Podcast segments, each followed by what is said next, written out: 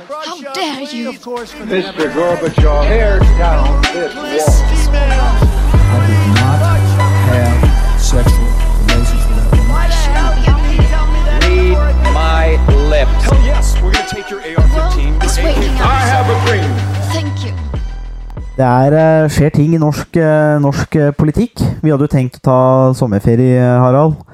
Eh, Men så, fredag, fredag 21. juli, så ehm, Ja, jeg vet ikke om vi skal si at våre politikere imponerer igjen. Men det har, vært- det har vært en litt tøff sommer for norske politikere.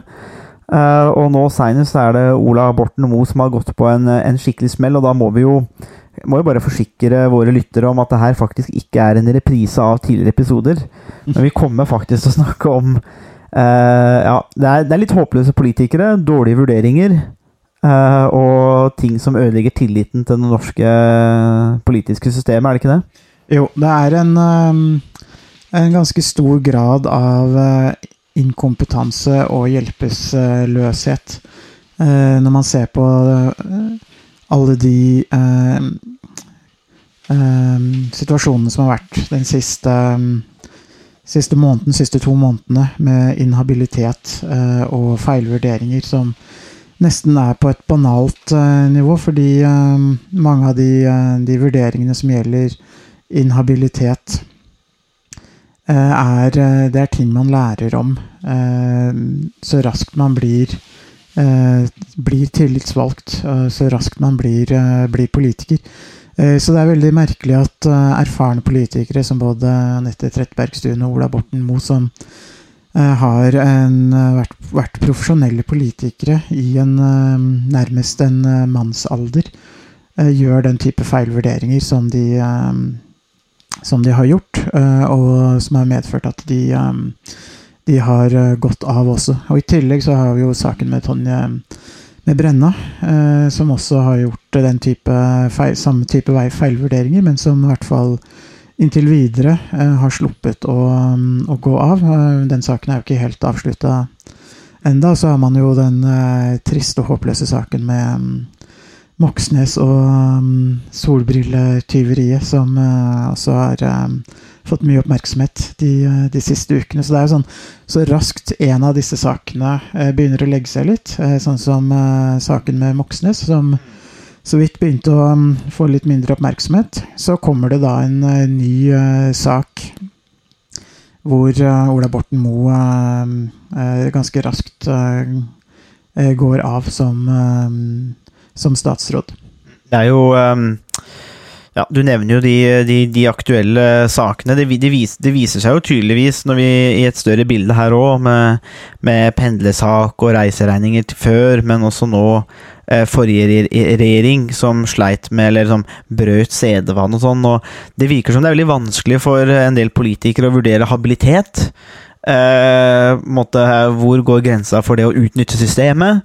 Eh, og med Moxnes så, så er det jo på en måte noe sånn herlig ironisk ved at en marxist, eller kommunist, eh, faller for varefetisjismen og må stjele solbriller.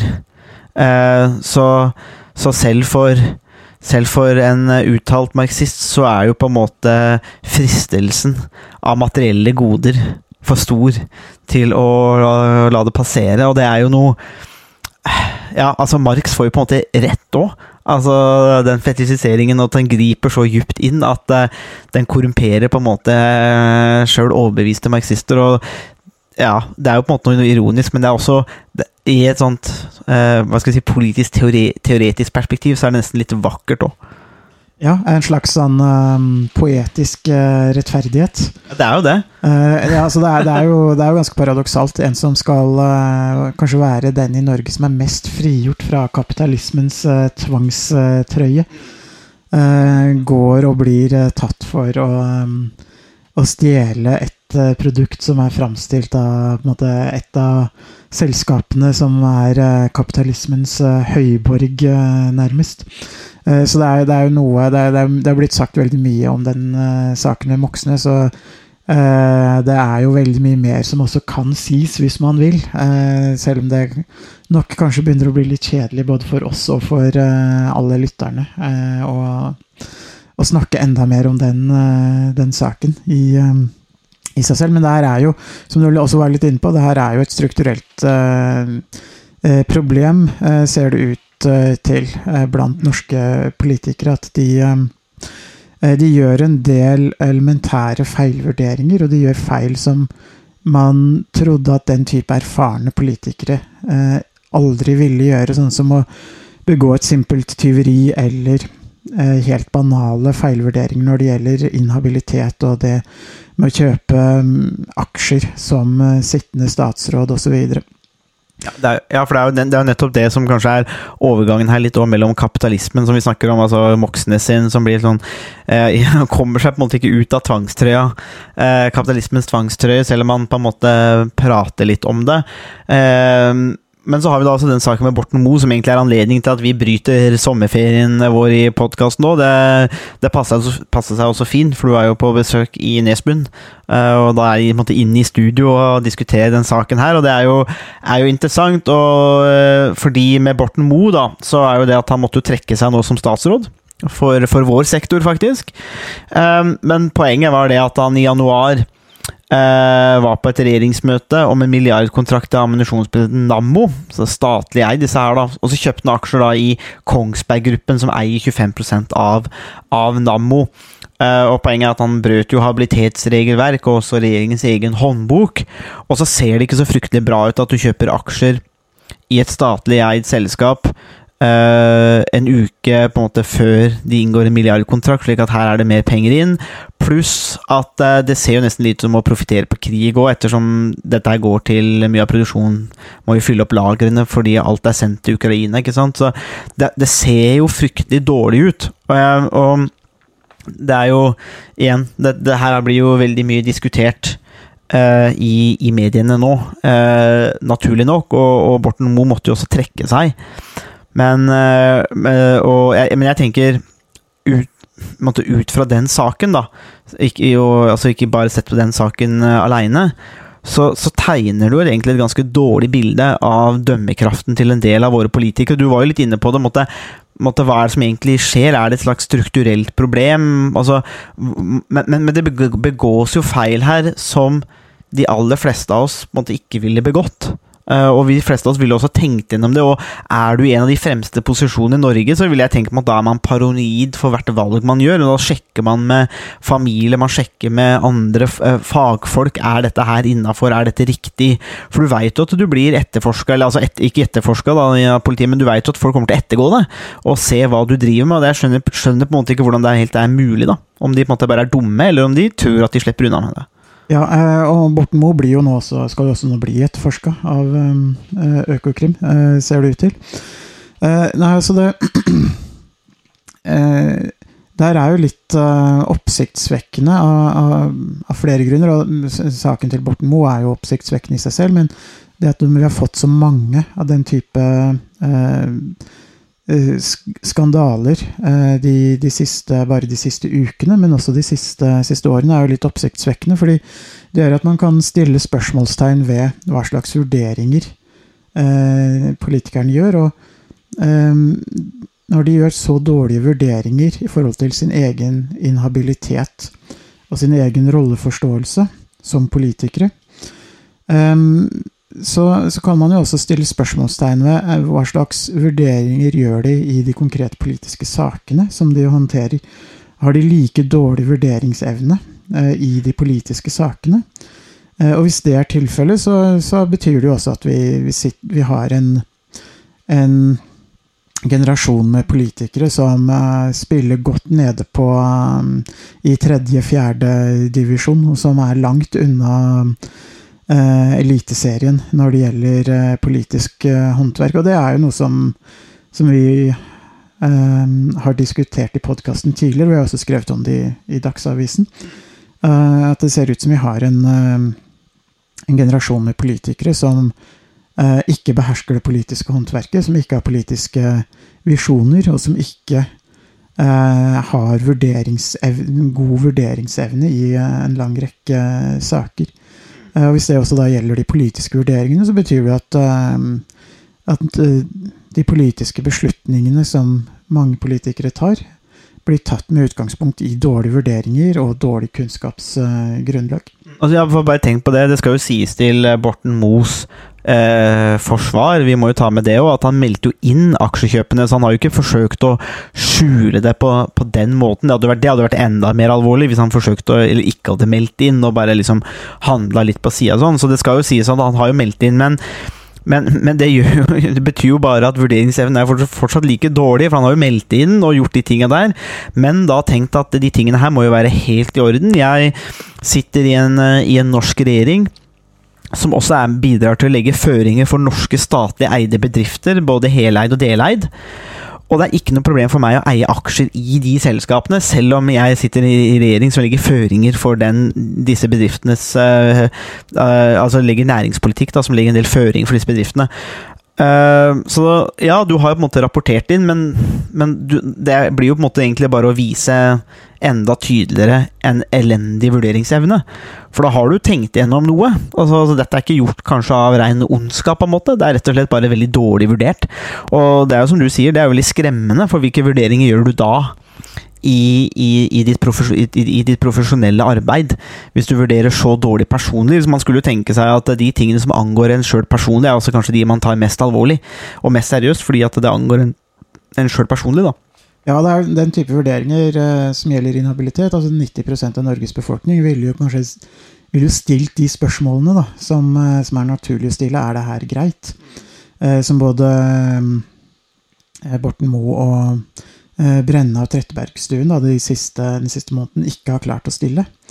Eh, mens det er spørsmål som er helt grunnleggende, som de aller fleste i eh, de aller fleste norske velgerne da, ville klart å, um, å, stille og håndtere bedre. Og da er det jo spørsmål om um, kan man stille spørsmål om um, om hvilket nivå eh, politikerne faktisk tar beslutninger på. Men det som gjør meg oppgitt da, handler jo om da det norske politiske systemet. Fordi at eh, hvem er det som skal kunne kritisere disse dårlige vurderingene politisk. Fordi, jeg var litt inne på det, Solberg-regjeringa besto jo sant, også av et, lang, et stort knippe Frp-politikere eksempel, som gjorde dårlige vurderinger på dårlige vurderinger på dårlige vurderinger, måtte gå, De gikk jo i mer justisminister sant, på, enn det det noen gang har gjort. Fordi at de var jo for så vidt inkompetente og gjorde en god del feil. Og det var jo litt katastrofe, egentlig, sett i et stort politisk Norsk historisk politisk sammenheng, så var det jo egentlig en slags katastroferegjering under Solberg med justisministrene. Eh, men, men det hagla nå gikk. Og, så brøt de sedvanene, og de gjorde en del grep for å øke regjeringens makt og, si, og minske innsyn. Og vi kritiserte jo det, Harald, for det er jo problematisk sett måte, på systemet eh, som helhet. Men så får vi da en ny regjering. Og så får vi bare habilitetsskandale på habilitetsskandale, vi må bruke de sterke ordene. Og så har du Borten Moe, som roter på med sitt. Um, og da er på en måte hvor Hvilket parti er det som da som har, skal ha den kraften til å forsvare systemet og integriteten til systemet? fordi det ser ut som at alle partiene nærmest er befengt med en sånn Altså, de blir jo korrumpert kanskje av makt, eller kanskje det er en generasjon med dårlig vurderingsevne blant politikerne. Men jeg tenker, hvor, hvem er det som måtte skal ha kredibilitet, tyngde, til å stå opp for systemet og kunne med, med, med, med, med tyngde kritisere andre? fordi at eh, Får vi ny regjering, så kan du liksom banne på at det kommer noe lignende neste gang òg. Så liksom, for meg så ser det så dårlig ut, da. Ja, øh, Når det gjelder forrige regjering og dagens regjering, så virker det nesten som det er en konkurranse om hvem som kan uh, ta de dårligste beslutningene og uh, ha flest skandaler. Det som man kanskje kan si er en viss forskjell mellom dagens regjering og forrige regjering, er at i den forrige regjeringen, sånn som med, med Sylvi eh, Listhaug, så var det på en måte politiske feilvurderinger, politiske kontroversielle vurderinger, som, eh, som, gjorde at hun måtte gå av, eh, som på en måte var utgangspunkt for skandalen. Eh, dagens, med dagens regjering så er det mer de formelle eh, så er det mer formelle Man gjør formelle feil knytta til eh, habilitet og sin egen rolleforståelse. Eh, så man kan si det er en viss Man kan jo skille mellom eh, mer som politiske skandaler, politiske feilvurderinger, og eh, de mer formelle og eh, konstitusjonelle eh, feilene som dagens regjering eh, har gjort, gjort, mange av. I praksis så er jo ikke det nødvendigvis at det betyr jo ikke det nødvendigvis så mye. men det er på en måte et, et viktig skille. Det er to ulike typer for Man kan snakke om to ulike typer eller former for, for politiske skandaler.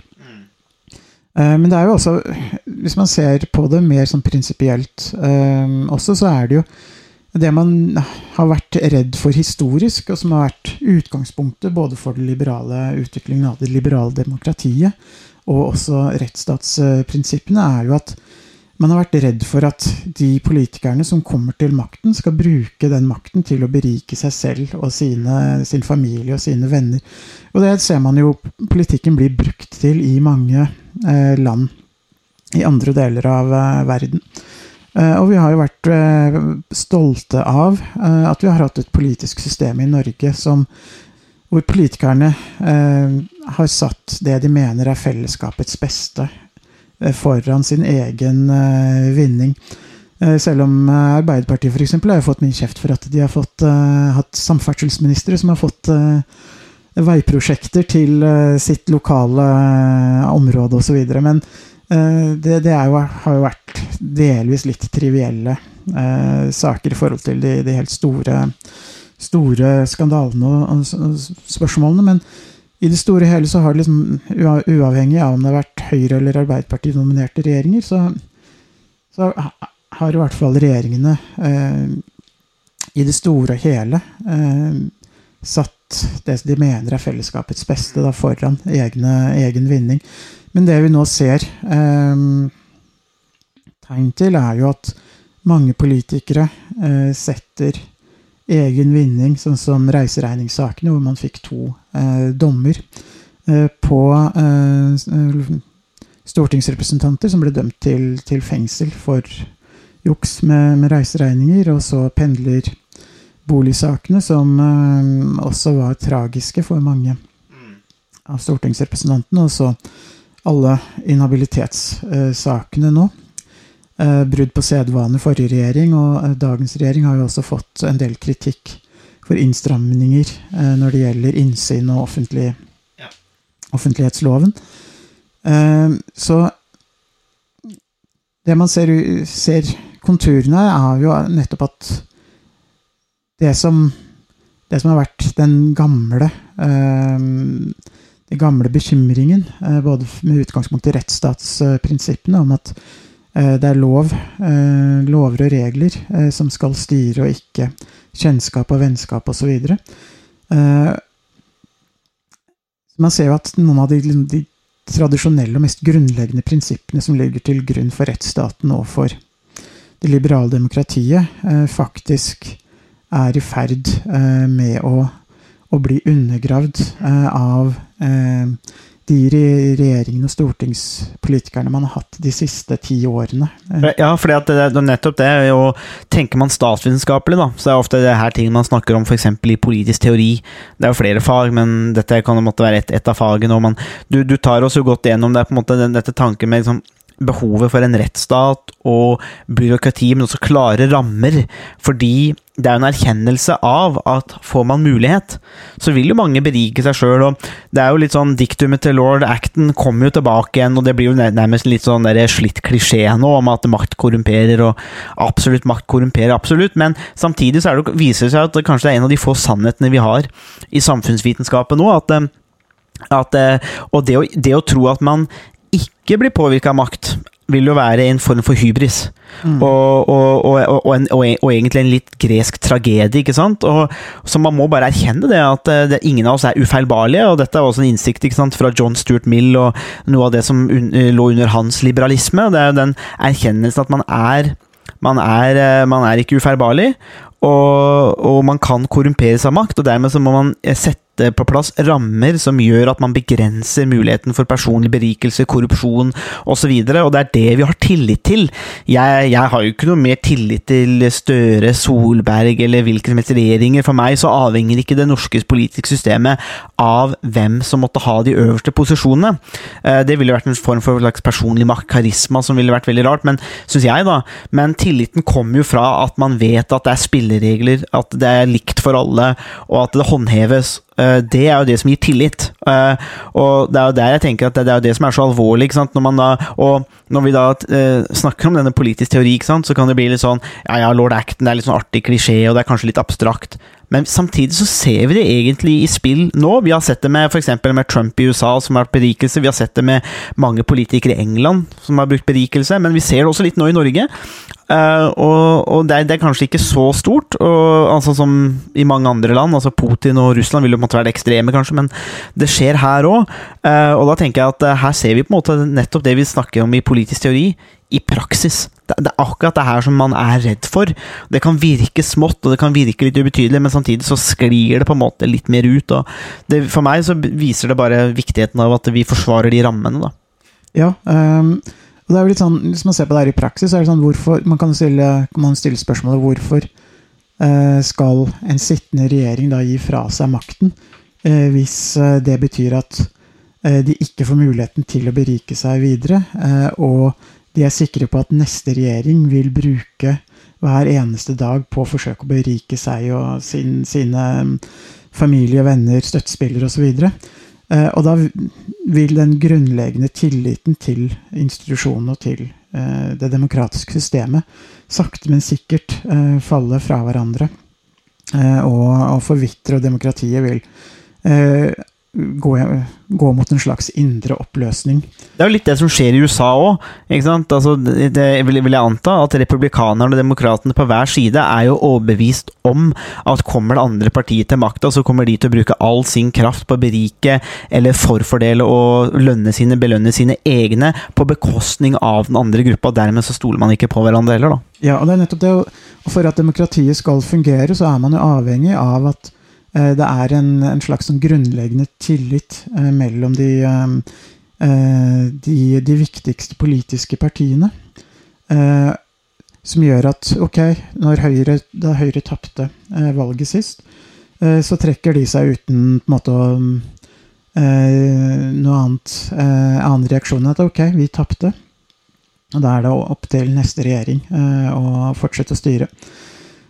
og det er på en måte et, et helt sånn grunnleggende eh, trekk eh, ved demokrati at man eh, ser på opposisjonen som legitim, eh, og at det er en Man ser at alle partene, alle partiene, har en slags gjensidig nytte av at systemet opprettholdes, og at systemet i seg selv er stabilt, og at man eh, ser at man har muligheten til å komme tilbake til eh, makten igjen etter neste valg, f.eks. Hvis, eh, hvis man taper. Og spørsmålet er jo sånn hvor, hvor mange flere skandaler eh, skal man ha i det norske politiske systemet før man begynner å se at eh, den gjensidige tilliten begynner å undergraves hos de sentrale politiske partiene. Eh, for hvis man kommer dit, så, så, er demokratiet til en viss grad ferdig. Da er det, lever man litt på lånt tid, og da er det måte, bare institusjonene som uthules eh, gradvis og sakte, men sikkert over tid. Og det blir jo ikke noe bedre av at, eksempel, at du f.eks. får saker der Eller eh, altså hvor Stortinget eh, øker lønna si mye mer enn det som nå er altså det som er gjennomsnittet, eller det som er lønnsoppgjørene i samfunnet for øvrig. Så de, får, de, bedre, de kan bevilge seg sjøl bedre lønnsoppgjør enn det alle andre kan. Um, og det lukter jo ikke så bra, eller ser jo ikke så bra ut i en tid hvor mange flere sliter med økonomien, og det er dyrere, og inflasjonen spiser opp mye mer av lønningene.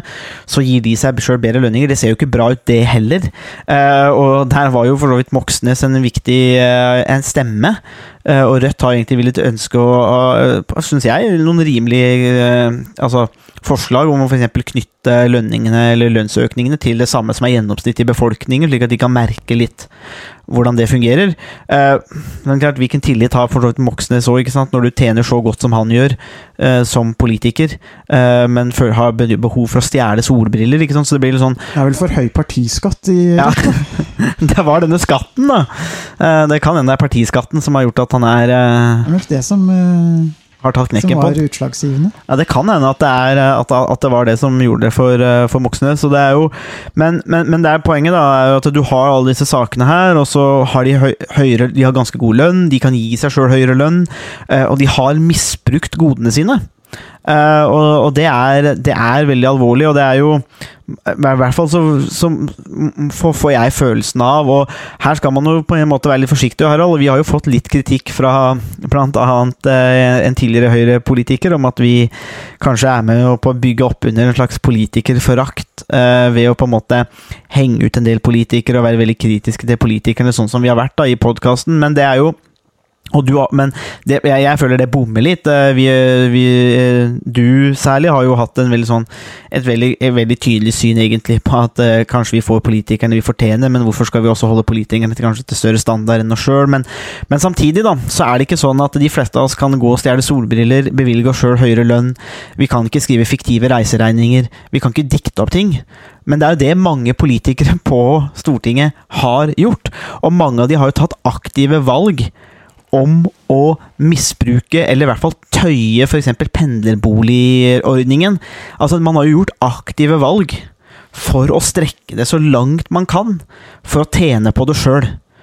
Og det er aktive valg, og det kan man gjøre noe med. Det er ikke sånn at man bare at det bare en dag så våkner man opp og har skrevet masse reiseregninger som ikke fantes. Dette er jo aktive valg man har gjort, og, og det må man også kritiseres for. Eh, og jeg tenker det at hvis man eh, virkelig går inn i politikken og man er en broiler-type, så tenker jeg at eh, kom deg til helvete ut, altså. Eh, fordi at eh, det er veldig ødeleggende for systemet, og, man, og det er litt det som du sier i stad. Altså, det kan høres litt rart ut, kanskje, når du kjører på med å si liksom at institusjonene blir uthula og alt mulig sånt. Det kan høres litt sånn fremmed ut, men, men jeg tenker at det er jo nettopp det som skjer hvis det er nok personer i et system som går etter personlig vinning. Uh, ikke sant? Uh, og, og det er jo alltid egeninteresse involvert i politikk. Du nevnte litt det der med den litt sånn håpløs samferdselspolitikk i Norge, særlig med noen Arbeiderparti-regjeringer. og det det er det ingen åpenbart. Eh, Når vi sitter her i Hallingdal, så er vi jo sinna selvsagt på Valdres, som nesten ingen kjører over til Bergen, men det er hovedveien. Eh, Selv om de fleste kjører rv. 7 gjennom eh, Hallingdal, for det er kortest, så er, har, har på en måte politiske vurderinger gjort at det ligger i Valdres. Og man kan snakke om Gardermoen, f.eks., som ah, kanskje aldri skulle ligge der det ligger, men hvor på en måte politiske prioriteringer vinner fram. Men det tenker jeg på, på en måte også er greit, for politikk handler jo om hvem som får hva, når og hvor. Og hvis du vinner valget der, og du eh, fordeler det utover eller bygger goder, og ja, vinner Høyre et valg, så vil de prioritere sitt. Vinner Senterpartiet valg, så vil de prioritere på en måte sine grupper, og det er egentlig helt greit, men det skjer noe når man på en måte får mer personlig vinning, som er så åpenbar, sånn som Ola Borten Moe f.eks., da blir det også mye mer problematisk, da.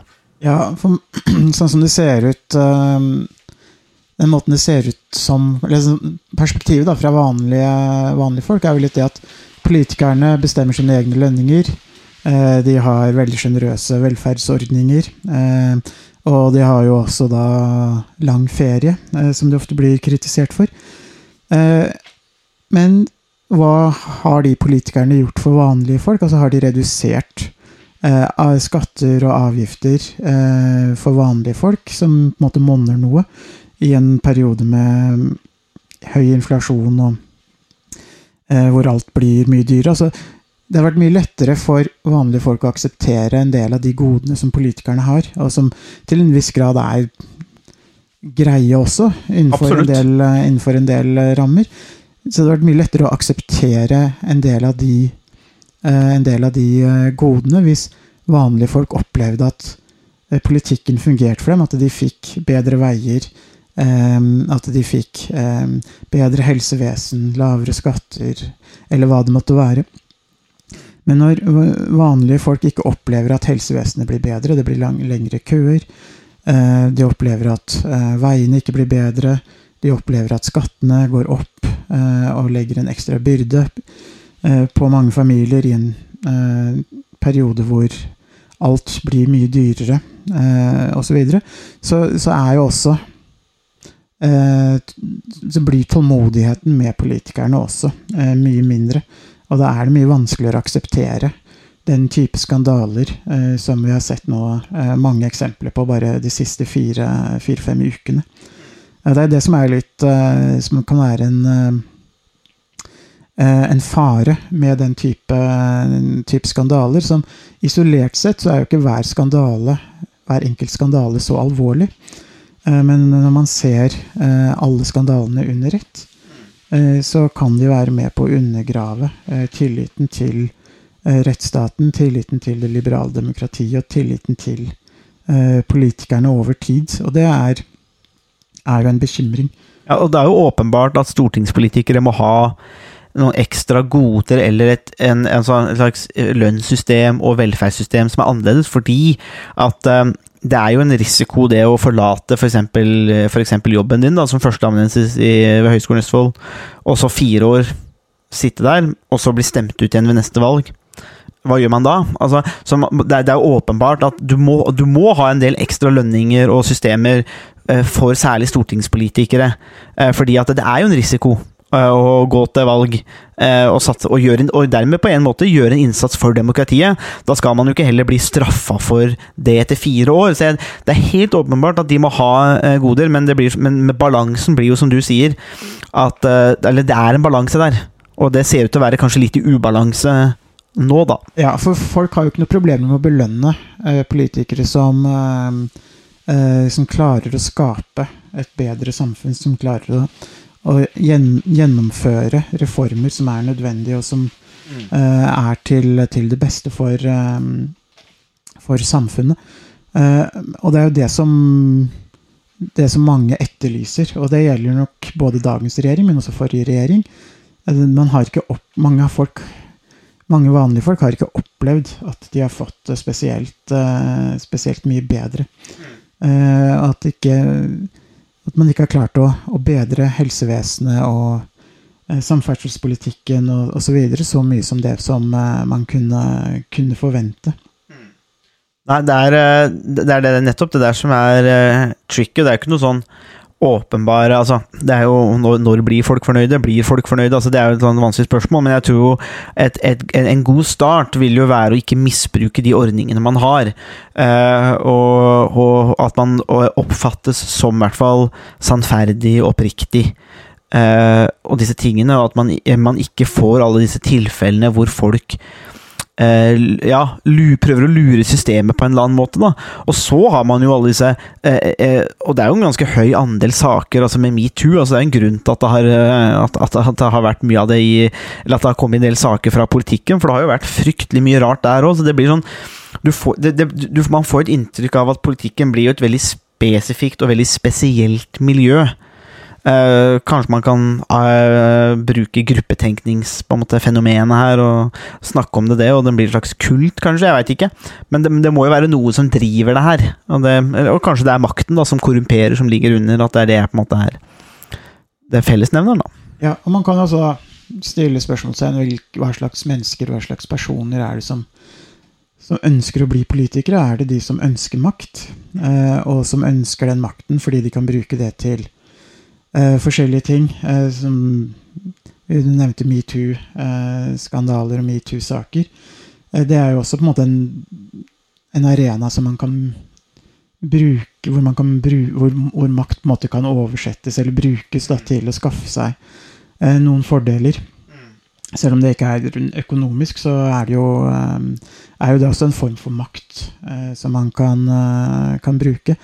Og, og der der er det jo um, så Man kan jo også stille spørsmålstegn ved om måte, politikerne er de annerledes enn vanlige folk. Er det en annen type mennesker, rett og slett? Uh, det, det, er liksom Det er jo kanskje å gå litt langt å si at de er liksom an, en annen type mennesker, men, de, men det kan jo også Når man ser på alle de sakene som har kommet, så er det jo, er det jo kan man også stille spørsmålstegn ved hva er det som hvor, hvor, hva er det som gjør at man får så mange skandaler i, uh, i politikken. Uh, og så mange skandaler på, på kort tid, uh, f.eks. Uh, også.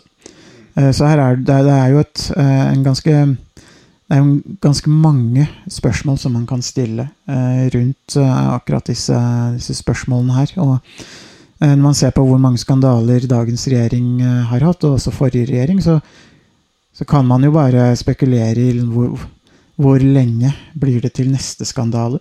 Det virker jo som det nesten er på månedlig eh, basis at det dukker opp eh, dukker opp nye skandaler. Helt klart, og det er jo som sagt, vi, må, kanskje, kan kanskje bare understreke det her at vi snakker jo kanskje også her primært om altså, om stortingspolitikere, altså folk som har det med der, jeg vet, jeg, jeg skal, Vi skal jo ikke trekke kanskje alle lokalpolitikere nødvendigvis og fylkespolitikere inn i det her, det blir jo litt annerledes. Det er jo et, det er jo et annet nivå. Og, Ja, så Vi snakker jo stort sett om måte, ledende nasjonale ja. politikere. Det er, jo, det som er eh, konteksten her.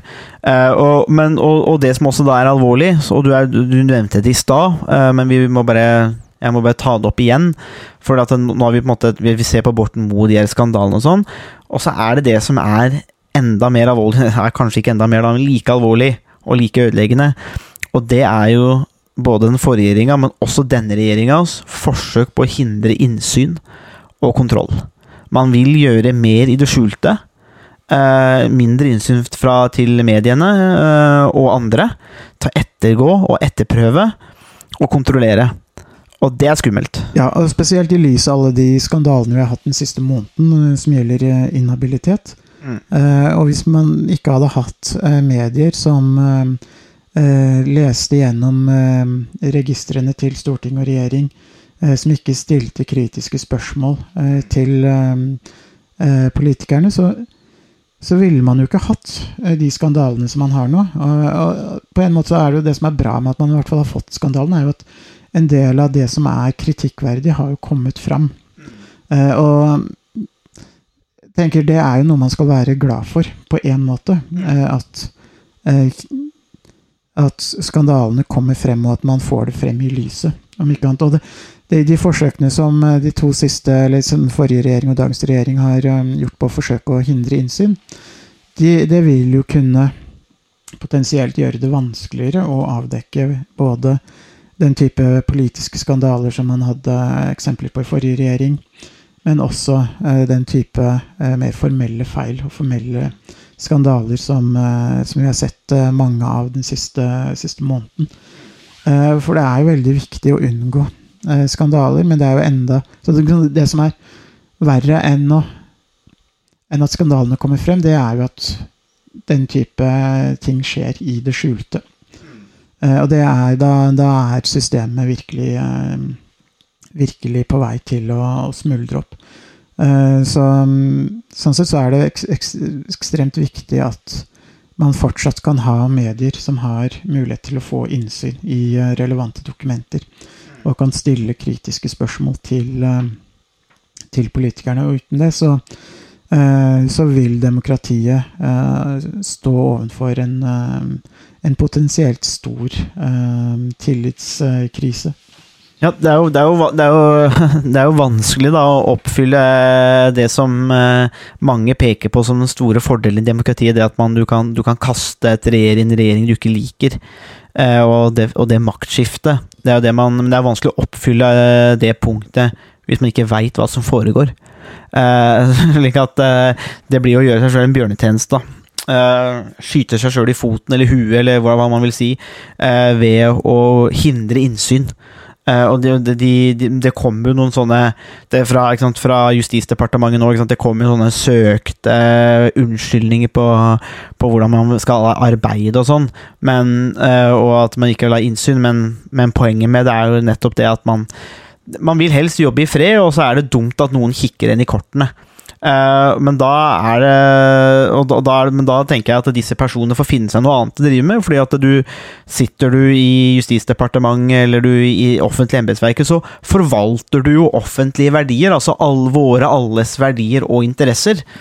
Og da gjelder det noen andre regler enn når du driver ditt eget enkeltpersonforetak eller AS. Altså det, det er innsyn der òg, men da gjelder det helt andre regler. Men når du forvalter store offentlige verdier og uh, interesser, så må du tåle at det blir ettergått. Og det er jo måten vi har for å kontrollere at ting skjer ordentlig. Og det er nettopp som du sier, da. Hadde ikke og, det, Altså Borten Moe var for så vidt ydmyk han i, i pressekonferansen. En av de beste pressekonferansene jeg har sett sånn etter en tabbe eller skandale. Han var for så vidt ydmyk nok og ærlig nok, og det, det skal han ha kreditt for. det for så vidt, Og han eh, meldte jo inn aksjekjøpene sine, så det var jo for så vidt eh, greit, det. Men han gjorde det jo, og han visste at det her ikke var bra. Mange måneder i forveien og valgte å ikke gjøre noe med det før E24 hadde gått inn og sjekka det, og stilte kritiske spørsmål og fant ut at her var det brudd. Da måtte han trekke seg. Hadde det kanskje vært noe integritet å spore hos Ola Borten Moe, så hadde han jo rett opp i de feilene med en gang han skjønte det. Og sagt at shit, her var jeg ikke på ballen. Jeg gjorde en reell feilvurdering, eh, men jeg har solgt og, gjort de vurderingene der. Og da kunne han kanskje ha sittet. For da kunne man kanskje sagt at ok, men du skjønte det, du trakk deg. Det var ingen som pressa fram eh, unnskyldning. Det var ingen som pressa fram det. Du gjorde det av egen vilje. Det tror jeg kanskje de folk flest hadde akseptert òg, hvis du gjorde det på den måten. Men realiteten var han ble ikke noe angrende synder før han ble gjort oppmerksom på det og tatt i det. Og det er, det er dømmende, og det er ødeleggende uansett. Spesielt eh, med de to andre habilitetssakene eh, de siste fire ukene. Eh, Så jeg regner med at eh, Jeg regner med at eh, statsminister Jonas Gahr Støre har gitt veldig tydelig beskjed til alle statsrådene i etterkant av de, de første sakene som kom, eh, om at her må man, må man rydde eh, hvis det er noe. Og at Borten Moe da ikke i etterkant av de sakene eller eh, har um, reagert på at her var det kanskje noe som uh, som han burde tenke, ha tenkt på for lenge siden. Eh, så, er det, så er det veldig rart. Eh, fordi de siste sakene til Trettebergstuen og Brenna, det er jo Sånne ting er jo, må jo ryste en regjering. Mm. og når det likevel ikke ringer noen eh, alarmklokker hos Borten Moe, så, så er det veldig vanskelig. Men det her er jo også, man kan jo også stille et spørsmålstegn ved eh, statsministerens eh, ledelse av, av regjeringen. Hva slags rutiner har de? Hvordan er det de arbeider med det her? Og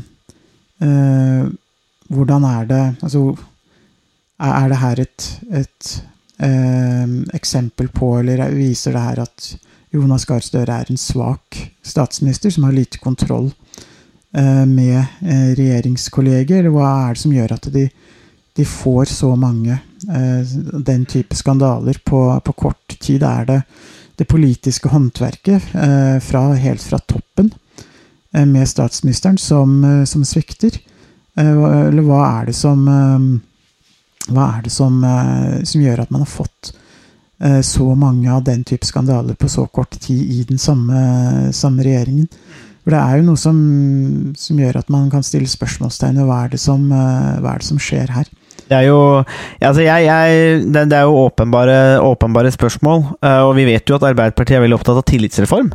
Eh, Det kan jo hende at Støre har vært veldig klar på sin tillitsreform og gitt veldig mye tillit til sine undersåtter i regjeringen og satsa på at uh, med, med tillit så kommer ansvar. og så er det ikke ansvar for egen læring eh, som er veldig aktivt uh, i skolen òg. At man har aktiv for egen læring, eller ansvar for egen læring, ansvar for på en måte egen- Og det er egentlig et veldig liberalt prinsipp, da. At uh, de får ansvar om å ta det ansvaret og vokse under det. Men, så, men det ser jo ikke ut til å fungere, da. Nei, eh, dessverre. Eh, det er nok en, hvis det er et pedagogisk eh, Der, der ligger kanskje forsøk, problemet. så, så er det nok en mislykka pedagogikk som, eh, som Støre har, eh, har prøvd seg på. Um, men samtidig, altså, det er jo eh, Trettebergstuen og Brenna og Bortenmo er jo alle sammen eh, ekstremt eh, erfarne politikere, som vi var inne på innledningsvis. Så eh, jeg kan jo skjønne at en statsminister tar det litt for gitt. Eh, at med så erfarne politikere, så altså, helt grunnleggende habilitetsvurderinger, det er liksom på plass. For det har de lært om eh, på eh, den politiske barneskolen som de gikk i ungdomspartiene. Og som er på en måte en del av Det burde være liksom en ryggmargsrefleks å, å ta en del av, gjøre en del av de eh, habilitetsvurderingene. eh, som de egentlig på en måte gjør eh, eh, omtrent daglig i en del, eh, del situasjoner. Så, så er, sånn sett så er det jo Må det være frustrerende for eh, Jonas Gahr Støre å oppleve at gang på gang eh, så svikter det på det mest elementære. Og det er jo litt sånn Hvis man skal begynne å lære så erfarne politikere så elementære ting, eh, så er det jo eh, Altså, det, det bør ikke være en statsministers ansvar, egentlig. Eh, Så det er jo Men det tenker jeg jo. Altså, han må jo være uendelig skuffa. Fordi det blir som du sier. eh, dette, er, dette er kjempeerfarne politikere. Eh, du, jeg, jeg tenker at det tar du for gitt. ja, Altså, for er, du, er du på statsrådsnivå, så begynner du ikke på da er du ikke, begynner du liksom ikke på nivå én når det gjelder eh, politisk opplæring. det. Eh, da skal du liksom være på, polit, på, på nivå ti. Eh, der er det liksom eh, eh, Da er det på et ganske eh, Da er det liksom detaljene på hvordan departementene fungerer, og saksganger og, osv. videre. Det er Det liksom, det beste partiene har. ja, og det er liksom det, det er det detaljene man kanskje kan pusse på. For det er man Det er man en måte Man kan liksom sammenligne det med det med å være toppidrettsutøver. Da er man ikke en glad amatør eh, lenger, da er man profesjonell politiker. Og politikerne vi snakker om nå, de, de har jo eh, de har jo vært profesjonelle politikere i hele sitt eh, voksne liv, nærmest. Og hatt levd et liv i offentligheten siden de var i, på, slutten av tenårene omtrent. Eh, Så det, finnes jo veldig få unnskyldninger eh, for at de skal eh, begå den type, type feil som de, som de har gjort nå. Ja, nei, det er jo Det, det, det tenker jeg jo. Det, og, eh, det, er kanskje lett å se til Støre og se til ledelse, men jeg tenker at det egentlig er litt Her tenker jeg at det ikke, egentlig ikke er aktuelt, fordi er, dette er jo voksne folk og erfarne politikere, som du sier. Og du vil jo heller ikke at en regjering skal domineres av toppersonen. Det, det, bør, det bør i hvert fall ikke være sånn av at hvorvidt en regjering er god eller ikke, avhenger av statsministeren. Eh, det bør heller være sånn at eh, hvorvidt en regjering fungerer eller ikke, eller er bra eller ikke, sier noe om laget. At alle er med, og, at, og, og da alle er jo på en måte like mye verdt, ikke sant? Um, i i sine ulike sektorer og for landet. Så det tenker jeg at eh, Jeg, jeg ville i hvert fall tenkt som statsminister at det er ikke mitt ansvar å passe på at, eh, at justisminister Borgerbund på en måte har sitt på G. Jeg ville tenkt at idet du er utnevnt, idet jeg, da, statsminister Lindahl, utnevner eh, Borgerbund til justisminister, så tenker jeg at det er fordi at jeg veit at, eh, at dr. Borgerbund veit sakene sine. Han har alt på G og kontroll, og den kan jeg stole på. At da er den sektoren under kontroll. Og hvis ikke jeg trodde at uh, Borgerbund var dyktig, så måtte jeg valgt en annen, eller sett et annet sted, eller fått partiet til å se et annet sted til en person som jeg veit kan stole på. Jeg, jeg ville anta at det er sånn det fungerer, så her, her har jo måtte, Om tabben til, tabba til, eh, til Støre må jo være at han har hatt tillit til folka sine. Og så har de eh, ikke vist seg tilliten verdig, og det er jo Ja, det, kan, det, det reflekterer jo kanskje dårlig på Støre som leder, men, men, men samtidig syns jeg det reflekterer veldig dårlig på de enkeltpersonene, men det reflekterer også veldig dårlig på det politiske Altså det politiske Norge, da. Eh, om, om noe. Ja, og det er jo litt det vi har vært inne på mange ganger, både i denne podkasten her og tidligere podkaster, så er det jo på en måte et det vi, det vi ser konturene av, er jo et mer strukturelt problem, som er parti, parti, partipolitisk uavhengig. Så det er jo noe man ser i alle partier. I, um, i større eller mindre grad. Eh, og, og det er ikke det at eh, Arbeiderpartiet eller Høyre er verst. De, det er jo på en måte um, eh, De fleste partiene er jo litt sånn like ille. Eh, på litt forskjellige måter, kanskje, men eh, men det er på en måte skandaler eh, og tillitsbrudd hvor enn man snur seg.